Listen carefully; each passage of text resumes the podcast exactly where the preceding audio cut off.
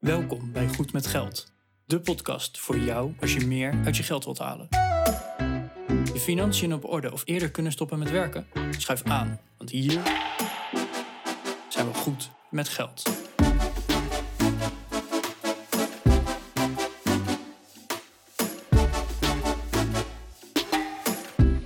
Aflevering 169 van de Goed met Geld podcast.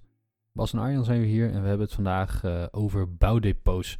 En een bouwdepot is een, eh, nou, een, een, onderdeel van je hypotheek, of het is misschien wel een type hypotheek, die je kunt inzetten als je een uh, nieuwbouwwoning laat bouwen of als je een bestaande woning wil verbouwen. En hoe dat precies zit, dat vertellen we je dus in deze aflevering. Ik heb er zelf mee te maken gehad toen wij de, deze bestaande woning kochten, hebben we een stukje mee laten financieren om, om te gaan verbouwen en verbeteren.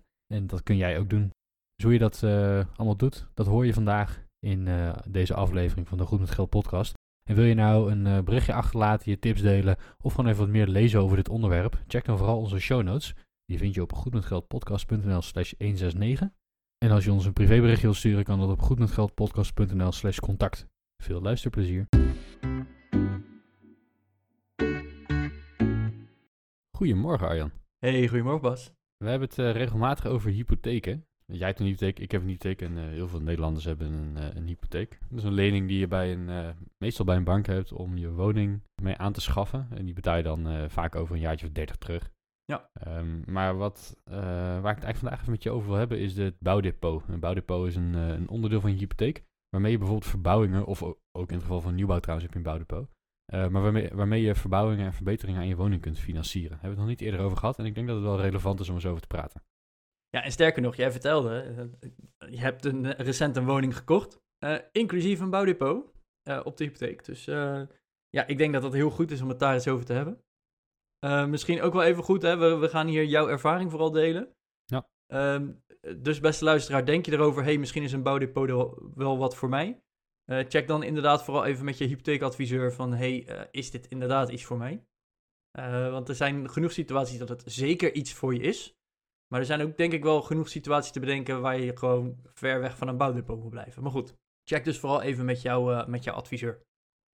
Dus Bas, um, ja, uh, een bouwdepot. Jij hebt een bouwdepot. Um, kan, je, kan je even een beetje beschrijven hoe jouw proces van woningaankoop ging? En waar het bouwdepot om de hoek kwam kijken? Vinden, vinden, vinden, kijken. Vinden, vinden, vinden, kijken. Vinden, vinden, vinden, kijken, bieden, kopen. Dat was een beetje, dat was een beetje het proces. Ah, dat was al eh, proces in het kort, inderdaad. ja, nee, um, wij, wij kochten inderdaad, uh, wij, mijn vriendin en ik, kochten, kochten de woning waar wij nu wonen. Um, en toen, toen na de bezichtiging waren we aan het kijken en we, zaten, we waren een beetje in de wijk aan het rondlopen. En dan zagen we dat mensen wat uitbouwen hadden gedaan. En we waren gewoon een beetje aan het oriënteren. Mm -hmm. ook zagen we dat er in de woning best wel wat gemoderniseerd kon worden. En een deel was al vrij goed opgeknapt en een deel nog niet. Het is een, uh, een, een, vrij oud huis waar wij wonen. Dat zag je op sommige plekken. Dus we wilden wat gaan verbeteren aan de woning. En best wel, uh, best wel wat ingrijpende verbouwing. Hè? Dus we, we wilden een aanbouw gaan doen en de badkamer aanpassen en soort. Nou, dat, oh ja. zijn, uh, dat, is, dat, is even net iets groter dan een nieuw vloertje leggen, een nieuw laminaatvloertje. Ja, of een plankje ophangen inderdaad. Ja, dat, nou, dat laminaatvloertje ja. hebben we ook gelegd, maar dat, nou, daarvoor hoefden we niet naar de bank gelukkig, dus dat hebben we zelf gedaan. Maar als een aannemer komt om, uh, om, om je woning een stuk uit te breiden of om een nieuwe badkamer te bouwen, dan uh, ja, dat is zeker tegenwoordig, man. Dat is echt niet normaal. Wat een kosten zijn dat. Ja, loopt goed in de papieren. Ja, nou ja, wij hebben er in ieder geval voor gekozen om, uh, om, dat, om in ieder geval een deel daarvan mee te financieren in de hypotheek. En het is een beetje gek, want we lossen ook weer extra af op de hypotheek maandelijks met, met geld dat we overhouden. Maar we hadden zoiets van, nou weet je, dan hoeven we niet heel veel spaargeld op dit moment erin te gooien. Ja. Dus we financieren lekker bij de aankoop, financieren een stuk van de, van de verbouwingen mee. Dan hoeven we niet dat spaargeld uh, te dippen en uh, richting de nul te brengen. En kunnen we, kunnen we gewoon maandelijks uh, weer gaan zitten aflossen erop. Dus dat, dat is een keuze die we gemaakt hebben. En onze hypotheekadviseur die, die kwam met het verhaal van... oh, dat kan, is heel makkelijk, super gebruikelijk, doen vet veel mensen. dan heb je een bouwdepot nodig. Ja. Dus ik zei, oké, okay, ik heb hier helemaal geen verstand van. Vertel mij eens wat een bouwdepot is. En hij zegt van ja, een bouwdepot is eigenlijk een, um, een, een stuk van je hypotheek... dat je gebruikt voor het verbeteren van de woning. Dus je leent geld bij de bank om de woning te kopen... En vervolgens leen je geld bij de bank om je woning te verbeteren. En dat is wat het is. Dat is letterlijk wat het is. Hè? Dus, dus je neemt een stukje hypotheek op de toekomstige verbetering van je woning. Daarmee moet je woning ook getaxeerd worden bijvoorbeeld op de waarde na verbouwing. Ja? waar je een, ehm, je hypotheek, die, die, die krijg je op basis van een taxatie van de huidige waarde. Dus vandaag is je pand 2 ton waard, dan mag je een, een percentage van die 2 ton lenen. Eh, dat kan 100% zijn of minder, of afhankelijk van wat, eh, wat voor hypotheek. Maar stel dat jij eh, een ingrijpende verbouwing gaat doen en de woning is 2,5 ton waard na die verbouwing. Dan zou je dus kunnen zeggen, oké, ik koop hem voor 2 ton. Ik heb een hypotheek van 2,5, want na verbouwing is die 2,5 ton waard. En ik hou dus nog na de aankoop 50.000 euro in een bouwdepot over. Ja, hè, dus het, het komt erop neer, je, zoals je dat al zei, je financiert het mee. Dus in jouw hele berekening wordt er inderdaad gekeken, oké, de woning is op dit moment, hè, laten we het voorbeeld meenemen, de woning is op dit moment 2 ton waard. Ik kan me dat bijna niet meer voorstellen in de huidige woningmarkt, maar goed. Het regent wel makkelijk. Het regent lekker makkelijk, joh. Dus de woning is nu 2 ton waard, maar als jij inderdaad een uitbouw doet, uh, de, de, de badkamer, nou, de tegeltjes vallen nog net niet van de muur af, uh, maar daar is alles ook mee gezegd. Daar kan je een hele mooie fancy badkamer in zetten de keuken moet misschien nog wel even hè, vervangen worden, misschien wel. Als je dat allemaal doet, dus die drie dingen, dan is je woning 250.000 euro waard. Dat is wat zo'n zo'n taxateur dan inderdaad uh, aangeeft. Ja, wat je, je moet eerst zelf aangeven wat je gaat doen. Hè? Want die taxateur die gaat natuurlijk niet voor jou bepalen wat voor verbeteringen je eigen woning gaat aanbrengen. Dus je moet zelf aangeven van we zijn van plan om dit en dit en dit te gaan doen. En dan moet je denken inderdaad aan uh, aanbouwen, uh, verbouwen, badkamers, keukens. Ik kan zeggen, zonnepanelen, het, het energiezuinig maken van je woning. Ja, dat telt mee. Het isoleren van je woning uh, telt mee. Um, ruiten dus, vervangen. Ja, dat, dat weet ik niet. Daar heb ik geen ervaring mee. Dat weet ik niet. Maar Als het goed is, valt dat er wel onder. Want dat is het ook weer verder isoleren. Hè? Als jij overal enkel glas hebt. En je zegt, ik ga er uh, dubbel of driedubbel glas in zetten. Dat hm. zijn aardige kosten. Maar het, het valt volgens mij, voor zover ik het in ieder geval weet, wel onder het verder isoleren van je huis. Ja, ja. ja. Maar goed, dat, dat, moet je in ieder geval zelf aangeven. En, het is best wel bijzonder, want je moet ook zelf aangeven wat je denkt dat het gaat kosten. Alsof ik daar verstand van heb. Ik, ik heb verstand van andere dingen. Ik ben uh, geen domme jongen volgens mij. Maar ik heb natuurlijk helemaal geen verstand van wat een verbouwing uh, kost. Wat nou een realistisch bedrag is. Dus dan ga je een beetje googlen. En uh, nou, dan kom je op een bedrag. En dan blijkt dat voor een meter te kloppen als je daadwerkelijk gaat uitvoeren natuurlijk. En, dan zeg je, ja, ik ga een badkamertje doen, dat kost zoveel. Ik ga zonnepanelen doen, dat kost zoveel. Ik ga uitbouwen, dat kost zoveel. En dan zegt die taxateur, oké, seems, seems fair. En dan zet hij zijn handtekening eronder. Ik, ja, Oké, bijzonder. Oké. Nou. Ehm, maar goed, anyhow, inderdaad, uh, laten we even dat rekenvoorbeeld van 2 en 2,5 ton uh, pakken. Ja. Uh, wat, wat er bij ons gebeurt, het, het zijn fictieve bedragen. Ik heb hier niet mijn echte, echte bedragen. Um, maar wat, wat er in ons geval gebeurde, is dat we zeiden van oké, okay, we hebben een woning van 2 ton gekocht. En we gaan voor 60.000 verbouwen. En na verbouwing is de woning 2,5 ton waard. Dus dat betekent dat we 10.000 euro in elk geval zelf al in moeten leggen. Want je mag nooit meer dan 100% van de woningwaarde lenen. En je mag dus met je bouwdepot erbij ook nooit meer de 100% van de woningwaarde na verbouwing lenen. Ja, en volgens mij is het inderdaad ook, hè, als jij een keuken van 20.000 euro erin laat zetten, dan wordt jouw woning ook niet 1 op 1 20.000 euro meer waard. Nee, want er zit al een keuken in. Uh, er zit al een keuken in vaak. Uh, maar hè, dat mannetje wat die keuken moet plaatsen, of dat vrouwtje, uh, die kost ook geld. En dat zie je niet meteen ook terug in de, in de waarde van die woning. Nou, ik denk niet dat dat per se een argument is, maar... Nee, maar er zit een bepaalde overheadkosten ook in uh, die het het niet meteen één op één over te nemen maakt. Ja, los daarvan. Je hebt natuurlijk heel veel verbeteringen aan een woning die, die op, de, op de woningmarkt niet tot uh, waardevermeerdering leiden. Want als jij het heel mooi vindt om een of andere glanzend rode keuken te nemen bijvoorbeeld. Oh ja. Ja, dat hoeft iemand anders niet mooi te vinden. Dus, dus iemand anders die koopt zo'n huis en die denkt, hé, hey, die keuken die gaat als eerst uitgesloopt worden. Want dit is lelijk. Geen waardeoordeel, dus als je nu zit te luisteren en je hebt een glanzend rode keuken, voel je, je niet persoonlijk aangevallen. Nee, geniet er vooral van. Maar je, dit, dit, dit soort dingen is heel persoonlijk. Ja. Terwijl als jij vierkante meters aan je woning erbij krijgt, doordat je een uitbouw doet of een dakkapel plaatst, ja, daarvan wordt je woning gewoon objectief meer waard. Want hij wordt groter. als je een, uh, een, uh, een, een, strip zonnepanelen plaatst, dan wordt je woning uh, objectief meer waard, omdat jouw energielasten dalen. En omdat je energielasten dalen, heb je waarde gecreëerd in je woning. Dus nou, dat, dat is waar een taxateur naar gaat kijken. En die kijkt er natuurlijk enigszins uh, rekenkundig naar. Hoeveel vierkante meters komen erbij? Hoeveel eh, gaan de energielasten dalen? Maar hij kijkt er ook een beetje met zijn gevoel voor de woningmarkt naar. Dan zit er nu een keuken in van uh, eh, 60 jaar oud, die bijna uit elkaar valt. En maak je een, ga je een deel meelenen om een nieuwe keuken te maken? Ja, dan zal je best wel wat stijging realiseren van je woningwaarde. Maar zit er al een mooie keuken in en wil jij gewoon een andere mooie keuken plaatsen? Dat kan, maar dan zal de waarde van de woning niet per se heel veel toenemen. Dus dat is waar die taxateur dan naar gaat kijken. maakt de taxatie ook ietsjes duurder, want hij heeft, uh, hij heeft wat meer werk van. Hè, want ze moeten natuurlijk uh, taxatie uh, met de huidige stand en een taxatie na de, na de voorgestelde verbeteringen doen. Dat doen ze op het moment zelf. Hè. Dat doen ze, ze komen dus niet nadat je klaar bent met verbouwen terug. Nee, ze gaan op basis van de huidige waarde en de huidige staat van het pand gaan ze kijken naar, oké, jij stelt voor dat je dit en dit en dit gaat verbeteren. Dan denken wij dat het na die verbeteringen zoveel waard is. Dus dat, dat is ook wat er in je taxatierapport dan komt te staan. Even terug naar het rekenvoorbeeld. Woning gekocht voor 2 ton, 60.000 euro verbouwen. Um, en na, uh, na verbouwing is die 250.000 waard. Uh, betekent dus dat je 10.000 zelf moet betalen. Of in ieder geval dat je die 10.000 niet kan lenen. Want je kunt niet meer dan 2,5 ton, niet meer dan 100% van de woningwaarde lenen. Ja. Wat er in ons geval gebeurde, is dat we naar de notaris gingen. En dat de notaris zei, oké, okay, um, betaal vast even die 10k. En dan heb je dus een hypotheek van 190.000 euro op de aanschaf van de woning. Waarom doen ze dat? Dat doen ze zodat je de volledige verbouwing, die 60.000, in je bouwdepot krijgt. Ja, en eigenlijk komt het er dus ook op neer dat je de eerste 10k gewoon zelf moet betalen. Van de hele verbouwing. Nou, die moet je hoe dan ook betalen.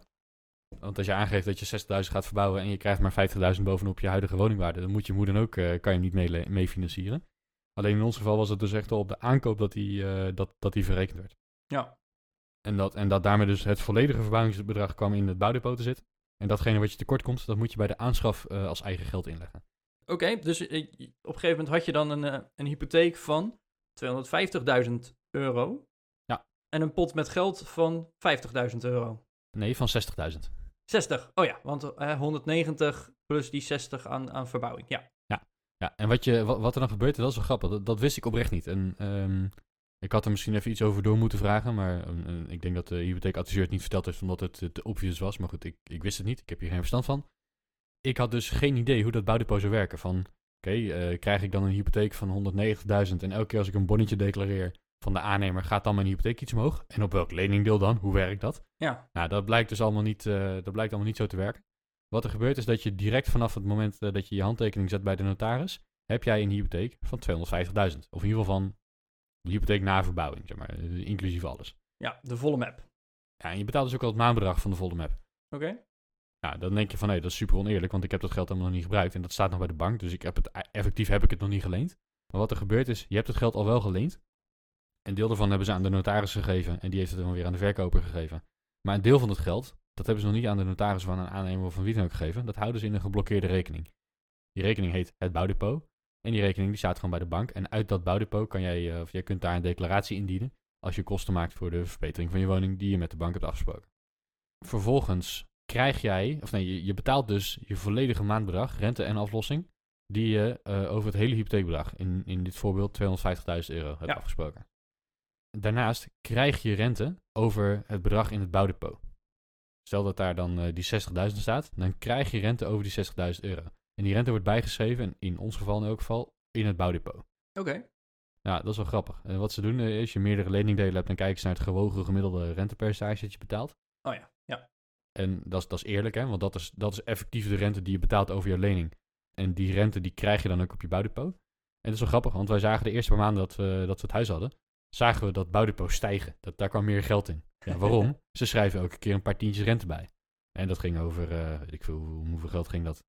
Ja, 50, 60, 70 euro. Een beetje in die orde van grootte. 1,8% of zo over 60.000 euro. Ja, en dat was, was ook niet helemaal 60.000 in ons geval, maar even hier een voorbeeld ja, inderdaad. Dus je kreeg ja. inderdaad, uh, nou, ik had een paar tientjes rente, die werden elke maand bijgeschreven. Dus op een gegeven moment was het bouwdepot niet 60, maar 60.060. En op een gegeven moment uh, 60.000 en 110 of zo, weet je wel. En daar kwam elke keer kwam er een beetje bij. En aan de andere kant zit je natuurlijk wel gewoon over je volledige 2,5 ton rente en aflossing te betalen. En dat is ook eerlijk, hè? Je hebt daarmee je volledige hypotheek opgenomen. Een deel daarvan zit in een geblokkeerde rekening. En daar krijg je rente op. Want ja, anders zou je te veel rente betalen. Dat zou ook niet helemaal, uh, niet helemaal netjes zijn. Dus op zich vond ik dit wel een, uh, dit is best wel een eerlijke oplossing. En ik had het misschien wel kunnen bedenken dat het zo ging, maar goed. Ik, ik wist het niet, het was voor mij een nou. verrassing. Oké, okay, en dan, uh, maar goed, dan, dan staat er dus een geblokkeerde rekening. Nou, en dan, weet ik veel, dan is de tegelzetter geweest in je douche, in je badkamer. Ja. Uh, die uh, stuurt een rekening van hé, hey, ik heb uh, tegels gezet, ik ben zoveel uur aan het werk geweest, ik heb die materialen gebruikt. Hier heb je een rekening van, nou, ik noem maar even wat, 5000 euro. Mm -hmm. Wat gebeurt er dan? Ja, dat, dat is per bank een beetje verschillend volgens mij. Wat er in ons geval elk geval gebeurde, is je krijgt de rekening van, eh, van iemand eh, die werk heeft gedaan. Of een bonnetje van de bouwmarkt. Hè, als je zelf eh, laminaat hebt gehaald bijvoorbeeld. Of eh, ik veel, dat, dat, dat kan je declareren natuurlijk. Dan kan je volgens eh, bij ons in de bank-app ga je naar die hypotheek en dan naar het bouwdepot. En dan zie je hoeveel geld er in het bouwdepot staat en wat de transacties zijn geweest erop. Hè, dus die rentebijschrijvingen en declaraties die eruit zijn gegaan. Mhm. En dan kan je volgens eh, zo'n, zo'n factuur uploaden. En dan geef je aan van ik wil een declaratie doen voor dit bedrag met deze omschrijving. En dan eh, zegt hij nou klik hier en dan kan je een fotootje van de factuur maken. Of een pdfje als je, die, als je per mail een factuur hebt gehad kan je die als pdfje uploaden. En dan, wordt die, eh, dan komt hij op de status in behandeling en meestal twee dagen daarna of zo eh, werd hij bij ons uitbetaald op onze eigen bankrekening. Nou, dat is natuurlijk wel, eh, wel bijzonder. Ik dacht dat eigenlijk dat, dat zij de rekeningen aan de aannemer zouden betalen. Maar goed, het kan natuurlijk ook zijn dat je inderdaad echt letterlijk naar de bouwmarkt bent gereden en daar spullen hebt gehaald. Ja. Ja. dan kunnen zij dat natuurlijk niet aan de bouwmarkt betalen. Dus wat er gebeurt is dat je zelf dan de rekening moet betalen van je eigen, van je eigen rekening. En dat de, dat de bank vanuit het bouwdepot jou dat geld teruggeeft. Nou, je dat een beetje timed, hoef je niet al te veel voor te schieten. Hè? Dus dan kan je zeggen van ik, eh, ik heb een eh, betalingstermijn van eh 8 dagen of 14 dagen of wat dan ook. Bij mijn leverancier. Bij de bouwmarkt moet je meestal gewoon meteen pinnen, dus dan, gaat het niet op, dan moet je het even voorschieten. Maar als je een, factuur van de aannemer krijgt, dan heb je daar vaak een betalingstermijn op zitten. Die, op dag 1 dien je meteen bij de bank in, op dag 2 of 3 staat het op je rekening en dan, dan kan je daarmee de, de aannemer betalen. Ja, dus je moet, tenminste, het hoeft niet per se, maar het is handig om er zelf een beetje scherp op te zijn van, hé, hey, als ik het nu op tijd indien, dan heb, hoef ik het niet allemaal voor te schieten. Het is gewoon een, een, een handigheidje eigenlijk. Ja, het, het voordeel bij ons is dat we het bouwdepot ook een beetje als, eh, als luxe slash als buffer hebben genomen. Dus, dus ja, we gebruiken het om de verbouwingen van te financieren. Eh, maar we hadden ook best wel wat spaargeld waar we het uit zouden kunnen betalen. Eh, dus, dus het was niet zo'n probleem bij ons om de rekening van de aannemer voor te schieten en dan te declareren. eh, en, en een paar dagen later staat het op je bank. Dat, dat is prima, hè, dat, dat ging gewoon goed. Maar inderdaad, als je zegt van ja, ik heb eh, even niet zoveel achter de hand, of het staat op een bankrekening waar ik niet zo snel bij kan, of eh, omdat hij in het buitenland staat en het heeft een paar dagen verwerkingstijd of zo nodig. Ja, dan, dan is het wel slim om even een beetje te gaan timen dat je die declaratie op tijd doet, zodat jij het geld op tijd hebt om te kunnen gaan betalen. Nou, Want als er één ding is wat aannemers relaxed vinden, is het eh, klanten die op tijd betalen. Oké, nou, dat is best wel duidelijk. Ehm, Ja, en op dat moment gaat dus je bouwdepot eh, gaat dus omlaag. Hè? Stel je hebt eh, die 60.000 euro in dat bouwdepot zitten. Nou, het voorbeeld dat jij gaf, 5.000 euro van de tegelzetter. Eh, die komt langs. Dan heb je daarna, nadat die declaratie is uitbetaald, nog 55.000 euro in je bouwdepot zitten. Dus de maand erop zal je iets minder rente krijgen. Net als dat het op een spaarrekening was in de tijd dat er nog rente bestond. Ja, je krijgt gewoon rente over, over het bedrag dat je op die rekening hebt staan. Dus je krijgt op dat moment wat minder rente. Aan, aan de hypotheek zelf verandert helemaal niks. Want die 2,5 ton hypotheek die je hebt, ja, daar betaal je gewoon rente en aflossing voor. En of je nou wel of niet geld uit je bouwdepot opneemt, daar verandert helemaal niks aan. Ja, oké. Nou, eh, ik, ik denk dat het verder wel duidelijk is. Ik, ik wil eigenlijk door even naar wat voorwaarden rondom dat bouwdepot. Hè? Want dit klinkt echt super chill. Ehm, maar er, er zijn altijd wel wat haken en ogen. Daarom riepen we aan het begin al van... Hey, check ook vooral even met je, met je adviseur hoe of wat en of het wat voor jou is. Want hè, er, zijn gewoon voorwaarden. Denk bijvoorbeeld dat het, eh, dat bouwdepot... dat kan echt alleen maar aan woningverbetering... of het energiezuinig maken van je woning... woning uitbreiden... Maar het moet echt onderdeel zijn van de woning. Dus als jij zegt, ik heb hele mooie gordijnen gezien, maar die zijn heel duur. Ik betaal dat uit het bouwdepot. Ja, dat is geen woningverbetering, dat is gewoon decoratie. Dus hè, die dure gordijnen, vergeet het maar. Die, eh, die ga Ja. je niet eh, uit je bouwdepot kunnen halen. Maar inderdaad, als jij een, een eh, grindvloer vloer laat storten, zo'n zo'n hele fancy, eh, chique vloer, eh, of je laat vloerverwarming aanleggen, ja, dat zijn allemaal dingen die wel uit zo'n bouwdepot kunnen. Ja. Dan vind ik het ook nog wel even belangrijk om te noemen. We hebben in dit voorbeeld gezegd van, hey, je koopt een woning van 2 ton. Na verbouwing is die 250.000 euro waard. Dus jouw hypotheek wordt 250.000. Maar stel nou dat jij of jullie inkomen eh, niet hoog genoeg is om aan een hypotheek van 250.000 euro te komen, maar tot maar 240.000 euro te komen. Dan eh, is daar ook die, die limiet dat je nooit meer kan lenen dan jouw aflossingsvermogen. Dus eh, in dat geval dan is het heel leuk dat jij straks een woning hebt die 250.000 euro waard is. Maar je zal nooit meer kunnen lenen dan 240.000 euro. Dus je bouwdepot is dan ook gewoon 10.000 euro lager. Ja. Ook nog wel even een, een dingetje. Dan hebben we het nog even over bonnetjes. Mhm. En ik, ik weet dat eh, op een gegeven moment vrienden van ons die waren aan het verbouwen en die hadden een eh stucadoor nodig. En uh, stucadoor is echt wel ook zo'n beroep waar heel veel gewoon bij geklust wordt. van hé, hey, ik ken iemand en eh, die betaal je handje contantje. En dat, dat is wel zo'n wereldje, heb ik af en toe het idee. Oké. Eh, en toen werd er ook gezegd, ja, maar ik, het moet wel even wit, want anders krijg ik het niet uit mijn bouwdepot. Ja, dat klopt. Ehm, Ja, je, kun, je kunt natuurlijk niet zonder bonnetje zeggen, hey, ik heb 2000 euro aan een stuk doorbetaald. Nee, en eh, een handgeschreven bonnetje, ik heb gestuukt 2000 euro, dat is dan vaak ook niet genoeg. Nou ja, dat, dat mag als dat aan de eisen van een factuur voldoet. Hè? Dus een factuurnummer en een datum en eh, noem het maar op. Hè? Een eh, leverancier, het adres, eh, KVK-nummer, et cetera. Dat mag. Ja, maar dat, dat is niet het handgeschreven bonnetje wat ik bedoelde. dus eh op de achterkant de van zo'n bierveeltje zie je dat dan wel Ja, voor je, weet je wel. Eh, de, Nee, de, maar- betaalmethode, de betaalmethode envelop, die telt niet eh, in dit geval. Nee, dus ehm, ook wel even belangrijk. En mm, hè, vaak zijn dat wel iets duurdere eh, manieren om het dan op te lossen. Maar anders krijg je het gewoon niet uit je bouwdepot. Punt. Eh, dus eh, zwart werk wordt niet ondersteund door het bouwdepot. Ja. Eh, de- er moet gewoon overal een, eh, ja, een bonnetje van zijn. Ik denk dat dat wel eigenlijk de belangrijkste extra dingen, is, is- dingen zijn die we noemen. Mhm. Maar was, ehm, ja, jij hebt een bouwdepot, ik niet. Dus eh, ik, eh, ik heb ook eigenlijk geen idee. We hadden het er net een beetje over. Ja, ik heb nog de vraag opgeschreven, wat kost het? Ja, eh, nou ja, natuurlijk gewoon je hypotheekrente. Dat is, die, die is vanzelfsprekend, denk ik. Waarom? Je hebt een stukje geld geleend bij de bank. Nou, daar moet je rente voor betalen. Ja. Maar je moet er even rekening mee houden dat je ook ergens in, je, eh, in het proces kosten maakt voor het afsluiten van een bouwdepot. Ja, nou, vandaar de vraag. Waar, eh, Ja. waar, welke extra kosten komen erbij kijken? Nou, vo- eh, vo- voordat we daarna gaan kijken, ehm, je, je kunt een bouwdepot gebruiken als je een woning koopt. Om te zeggen, ik, ik koop een woning, daar leen ik geld voor bij de bank. En volgens ga ik de woning verbeteren, leen ik ook geld voor. Dat is, dat is het scenario dat wij hebben gehad. Ja. Als je een nieuwbouwwoning koopt en je gaat die financieren, dan heb je ook een bouwdepot. Maar dan is 100% van je hypotheekbedrag bouwdepot. En dan wordt op een gegeven moment de grond eruit betaald en dan eh, de termijnen van de bouw.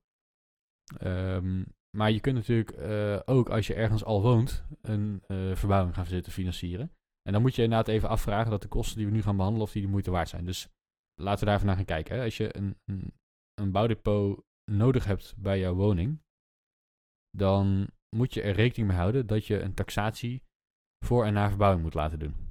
En dat betekent niet, hè, zoals ik net al zei, na de verbouwing, maar ze moeten een bedrag na, na verbouwing moeten taxeren. Ze moeten aangeven wat ze denken dat die woning dan waard is. Ja.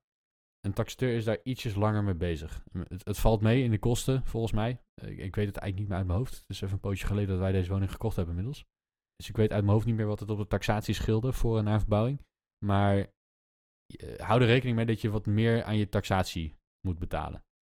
En verder maakt het eigenlijk niet zoveel uit. Als je toch al een hypotheekaanvraag aan het doen bent, dan maakt het niet uit. Laat, laat dat zeggen.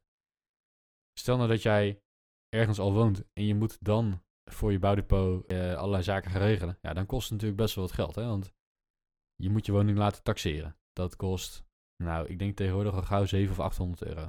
Ja, want het is al een, duurdere taxatie. Kijk, een, een standaard taxatie is misschien wat goedkoper. Eh, maar het is een wat uitgebreidere taxatie, dus... Ja, maar sinds dit jaar zijn taxaties ook een, een stuk duurder geworden volgens mij. Oh, echt? Oh, Ja, in- in- eh, ik heb dan nog de mazzel gehad dat wij in 2021 eh, het huis hebben laten taxeren. ja? Eh, maar volgens mij nemen ze tegenwoordig ook allerlei energiezaken mee. En, en dat maakt dat ze gewoon twee keer zo lang mee bezig zijn en dat taxaties duurder zijn geworden. Ah, oké. Dus hou er, hou er rekening mee dat je gewoon een, een 700 euro of zo voor een taxateur kwijt bent. Nou, vervolgens eh, heb je afsluitkosten bij de bank. Die zijn ook al gauw een eurotje of 300. Eh, je hebt misschien wel misschien geen hypotheekadvies nodig. Nou, reken maar uit wat je aan advies kwijt bent.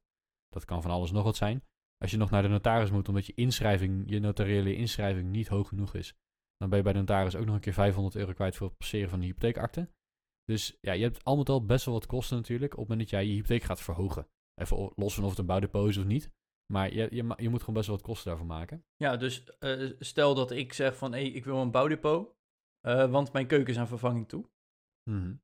Dan, eh, je, je bent zo anderhalf, 2000 euro kwijt, als ik dit zo hoor, Ja. eh, om zo'n bouwdepot te, te fixen. Ja. ja, en als je dan inderdaad 15.000 euro wil lenen, dan is de vraag of dat de moeite waard is. Kijk, als je toch al bezig bent, dus als je een, een andere woning koopt en in dat proces neem je het bouwdepot direct mee, Ja, dan valt het wel mee. Want je moet toch al naar de notaris, je moet toch al naar de hypotheekadviseur, je moet toch al afsluiten bij de bank. Het enige is dat je taxatie misschien een klein beetje duurder is. Dus dat, dat, dan valt het wel mee qua, qua additionele kosten. Maar ga je dit doen omdat je ja, geld uit je bestaande hypotheek los wil krijgen voor een verbouwing? Ja, dan, dan is even de vraag of, eh, of dat de moeite waard is. En Ehm, ja, puur persoonlijk, hè, dat is ook geen advies natuurlijk. Maar ik zou persoonlijk dan voor 10.000 euro niet een bouwdepot gaan nemen. Want dan moet ik inderdaad al die kosten, dan moet ik 2000 euro kosten gaan zitten maken om 10.000 te lenen. Dat klinkt niet heel efficiënt. En dan kan je beter misschien, als je inkomen toe, toelaat zeggen, ik neem een persoonlijke lening van 10.000 euro. En ja, dan is de rente een stuk hoger dan op de hypotheek. Maar dan heb ik niet die afsluitkosten. En dan kan ik daarvan gaan verbouwen, weet je wel. En, en zo'n persoonlijke lening, die mag je ook gewoon helemaal in box 1 stoppen, de rente aftrekken en weet ik wat allemaal. Zolang je het geld gebruikt voor verbetering aan je woning. Dus ja, dan, dan is dat misschien slimmer. Maar ook daarvoor zou ik zeggen, ja, kijk met je hypotheekadviseur en financieel adviseur wat, wat slim is in jouw geval. Alleen gevoelsmatig is het zo dat als je voor een heel klein bedrag, of voor een relatief klein bedrag, heel veel kosten moet maken om dat voor elkaar te krijgen, ja, dan is, is het dan wel handig. Kijk, als het een ton of anderhalve ton is, dan is het een ander verhaal dan als het 10.000 is. Ja, want hè, stel je betaalt 2% meer rente over die, eh, die persoonlijke lening. Nou, op 10.000 euro is dat dus 200 euro per jaar die je meer betaalt aan rente. Ja. Maar als je daar daarmee wel, uh, weet ik veel, anderhalfduizend euro bespaart aan kosten die je daaromheen zou maken. Nou, dat scheelt nogal. Ja, als je hem dan in zeven, binnen zeven jaar aflost, ben je uiteindelijk alsnog goedkoper uit. Hè, even ja. simpel gezegd. Ja. Ja. en hou er rekening mee dat die kosten die je maakt, die moet je dan ook zelf lappen. Hè? Dus als je zegt van ja, ik wil die, die keuken verbouwen omdat ik, uh, en, en dat ook met, met geld van de bank doen omdat ik het zelf niet heb. Die 2000 euro afsluitkosten, die moet je hoe dan ook zelf lappen. Ja. Dus ja, weet je, daar zit ook nog weer een, uh, nog weer een argument in. Dus, dus ja, je hebt, je hebt extra kosten hè, als je met, naar een bouwdepot gaat kijken. Maar het valt mee als je toch al bezig bent met een hypotheek, omdat je een woning hebt gekocht bijvoorbeeld, of omdat je een nieuwbouwproject gaat starten, dan, dan valt het wel mee en dan heb je niet zo heel veel extra kosten. Is het voor je bestaande woning? Ja, dan wel. En dan zou je er ook nog naar kunnen kijken. Stel dat het wel een wat groter bedrag is, dat je zegt van het is de moeite om hiervoor naar de bank te gaan. Dan zou je ook nog kunnen kijken van kan ik niet gewoon mijn bestaande hypotheek verhogen? Waarom zou je dat in een bouwdepot stoppen? Stel dat je de ruimte op je inkomen hebt en op de woningwaarde. Ja, misschien kun je wel gewoon je hypotheek verhogen met dat bedrag. Uh, dan hoeft het niet in een bouwdepot. Dan ga je naar de notaris, dan verhoog je je hypotheek. Dan krijg je geld op je rekening gestort vanuit de notaris. En als je dat geld helemaal netjes gebruikt voor het verbeteren van je woning, dan mag je die ook gewoon weer in box 1 opvoeren voor je hypotheekrente aftrek enzovoorts. Misschien wil je dat niet. Misschien uh, neem je hem uh, bewust aflossingsvrij, een box 3 hypotheek, whatever, kan je lekker zelf weten. Maar dan is het niet nodig om die rompslomp van een bouwdepot aan te gaan. Met dus de bijbehorende taxatie en met het feit dat je al je bonnetjes moet gaan zitten declareren. Ja. Dus het is zeker niet een. Uh, uh, het is niet zo van. Oh, een bouwdepot dat is vet handig, dat wil ik per se. Nee, het is, het is handig in sommige situaties. En het is met name bedoeld om meer te lenen dan wat de woning op dit moment waard is.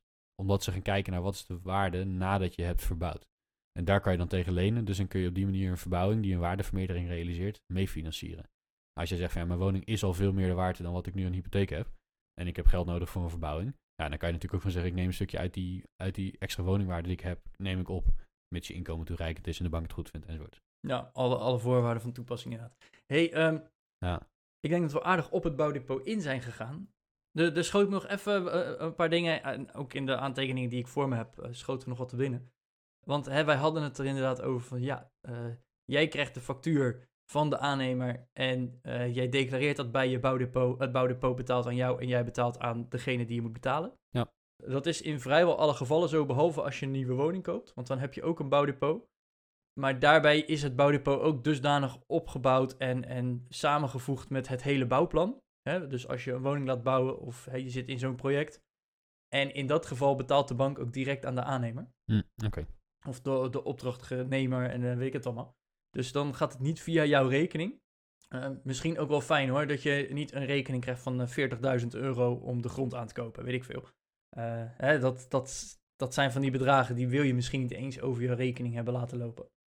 En ik ben me even aan het inlezen geweest en ik zag ook nog dat een bouwdepot niet onbeperkt houdbaar is. Ja, dat klopt. Dat is bij ons ook zo. Laten we, laten we daar nog even mee afsluiten, want ik zou dan denken van, oh, nou, ik ga nu een woning kopen, maar over vijf jaar is die badkamer toch wel echt af, uh, klaar en uh, aan vervanging toe. Nou, als mm. ik dan nu een bouwdepot neem, dan weet ik alvast, nou, over, uh, over vijf jaar hoef ik dan die kosten niet te maken en ik heb het wel klaarstaan. Maar zo werkt het niet. Nee, dat zou heel handig zijn, maar dat, dat gaat niet op. Um, en ik, ik snap ook wel, dat is natuurlijk allemaal niet... ja, dat zou ik niet administreren zijn, denk ik. En ook met, gewoon met de onzekerheid, hè, van wat, wat zijn woningen dan waard? En, en wat kost een verbouwing dan? Ja, je, je Ja, weet het niet. dat, idee, dat, kan, nee. dat kan zoveel fluctueren. Dus dat is ook een risico dat zo'n bank niet zal gaan nemen. Eh, dus zit er een houdbaarheidsdatum op een bouwdepot. En dat betekent dat je binnen die, eh, binnen die houdbaarheidsdatum moet je je verbouwingen gerealiseerd hebben. En je declaraties gedaan hebben. Ehm, in mijn geval was het bouwdepot twee jaar geldig. En mocht je nog een jaartje verlengen. En we verwachten dat de verbouwingen binnen een jaar allemaal af zijn. Eh, er is best wel een groot gedeelte nu af inmiddels. Eh, er, moet, er moet nog één ding gebeuren. We verwachten dat het met een jaar af is. Maar ja, je, je, je mag het, in ons geval zijn de voorwaarden dat je het een jaar mag verlengen. Ja, Na die looptijd vervalt dus je bouwdepot. ja dus dat, dat wordt dus afgelost tegen jouw hypotheek. Dus dan gaan wel Ja, je dus- maandlasten omlaag als er nog geld in dat bouwdepot zat. Ja, dat is dus even het voorbeeld weer van je hebt eh, voor 2 ton een woning gekocht, je gaat voor 60.000 verbouwen, hij is 2,5 ton waard. Dan hebben we een hypotheek van eh 250.000 euro, eh, waarvan 190 gebruikt voor de aanschaf van de woning en waarvan 60 in het bouwdepot. Nou, stel je hebt eh 40.000 van het bouwdepot gebruikt, dan zit er nog 20.000 euro in het bouwdepot. En dan is jouw woningwaarde tot eh 230.000 euro gestegen. Dat is waar de bank dan ongeveer van uitgaat, hè, omdat je een deel van die verbouwingen hebt gedaan. Ja. Eh, en dan aan het einde van de looptijd, eh, als je niet alles hebt opgebruikt, wordt die 20.000 euro die nog in je bouwdepot zit, die wordt afgelost op de hypotheek. Waardoor jouw hypotheek van 250.000 naar 230.000 gaat. Komt er nog een taxatie aan te pas? Waarvoor? Eh, voor, voor- gaat de bank nog kijken van, hey, is het inderdaad wel eh, zoveel meer waard geworden? Of... Nee. Nee? Oké. Nee, want ze gaan ervan uit dat als jij taxeert met in het achterhoofd, hè, je, je doet echt de opdracht tot taxatie voor een, voor een verbouwing. Als je gaat taxeren. Mhm. Of als je, als je de woning koopt of als je de hypotheek gaat aanvragen. En dan gaat de bank er dus vanuit dat als de taxateur heeft gezegd van nee, dit is, eh, dit is realistisch qua woningwaarde na verbouwing. En je hebt dat hele verbouwingsbedrag gebruikt. Ja, dan zal dat wel in de verbetering van je woning zitten. Ja, en omdat je inderdaad echt de bonnetjes aan moet leveren en al dat soort dingen. Ja, je kan er niet even een auto van kopen. Hè? Dus, ja, dus dan zal het wel in je woning zitten. Dat, dat wordt natuurlijk wel gecheckt. Hè? Als je de factuur van een eh, nieuwe auto erin stopt, dan zeggen ze dat gaan we niet doen. Ja, en anders wordt het weer valsheid in en dan eh, heb je een ander probleem als je inderdaad eh, valse facturen in gaat leveren. Oké, Ehm, wat, wat ik ook nog in die voorwaarden zag staan, is dat als je inderdaad eh, verlengt, hè, dus na twee jaar is je verbouwing nog niet helemaal klaar, want die aannemer schiet niet op of er zijn zulke wachtlijsten dat je er toch niet in aanmerking kwam voor de laatste partij zonnepanelen, dan kan je hem inderdaad verlengen. Vaak zie je nog wel dat een deel van die verlenging zit niet, eh, dat, dat rentecompensatie eigenlijk zit er dan niet meer bij. Dus hè, op dit moment eh, heb je dus 60.000 euro bouwdepot eh, en krijg je dus over die 60.000 euro, als die er nog in zit, krijg je ook de rente die je betaalt in je hypotheek. Gemiddeld en, en gewogen genomen, zoals we net hebben uitgelegd. Maar stel dat jij dat nog gaat verlengen na twee jaar. Ik geloof, en de voorwaarden die ik heb gelezen, maar dat zal ook weer per bank en per financier eh, verschillen. Maar als je dat met een jaar verlengt, krijg je de laatste zes maanden daarvan niet meer die rente over dat bouwdepot. Dus Oh, dat, dat zou kunnen, dat weet ik niet. om je toch even een beetje dat duwtje in de rug te geven van... Hey, ja, natuurlijk, het staat nog steeds voor je klaar, maar ik zou er wel een beetje mee opschieten. Hmm. Eh, hè, om, om toch een beetje die, die push erachter te houden. Dus dat, eh, het, het is niet helemaal dat het altijd, ja, eigenlijk een soort van, van rentevrij daar staat. Eh, Aan de ene kant betaal je, aan de andere kant ontvang je. Dus effectief kwam je een beetje op nul uit. Mhm. Ehm, maar dat is dus niet, eh, niet altijd tot helemaal het einde van dat bouwdepot. En inderdaad, ja, daarna wordt het gewoon afgelost. En dan, eh, dan is je hypotheekbedrag dus ook lager als er nog in, geld in dat bouwdepot zat. Ja. Dus, en, en dan is het in principe gewoon klaar. Dan heb je gewoon weer een normale hypotheek. Ja. Nou, ik, ik denk om, om deze aflevering dus een beetje samen te vatten, het bouwdepot. Heel veel mensen hebben het. Zeker eh, als je net een woning hebt gekocht, dan eh, is de kans best wel aannemelijk dat er een bouwdepot bij komt. Want je gaat de woning verbeteren of er moet een grote verbouwing gebeuren, noem maar op. Ehm, het kan alleen inderdaad eh, allemaal via de officiële wegen. Er moet een taxateur zijn die inderdaad zegt, hey, je woning wordt er meer waard door. Je moet inderdaad ook zoveel kunnen lenen.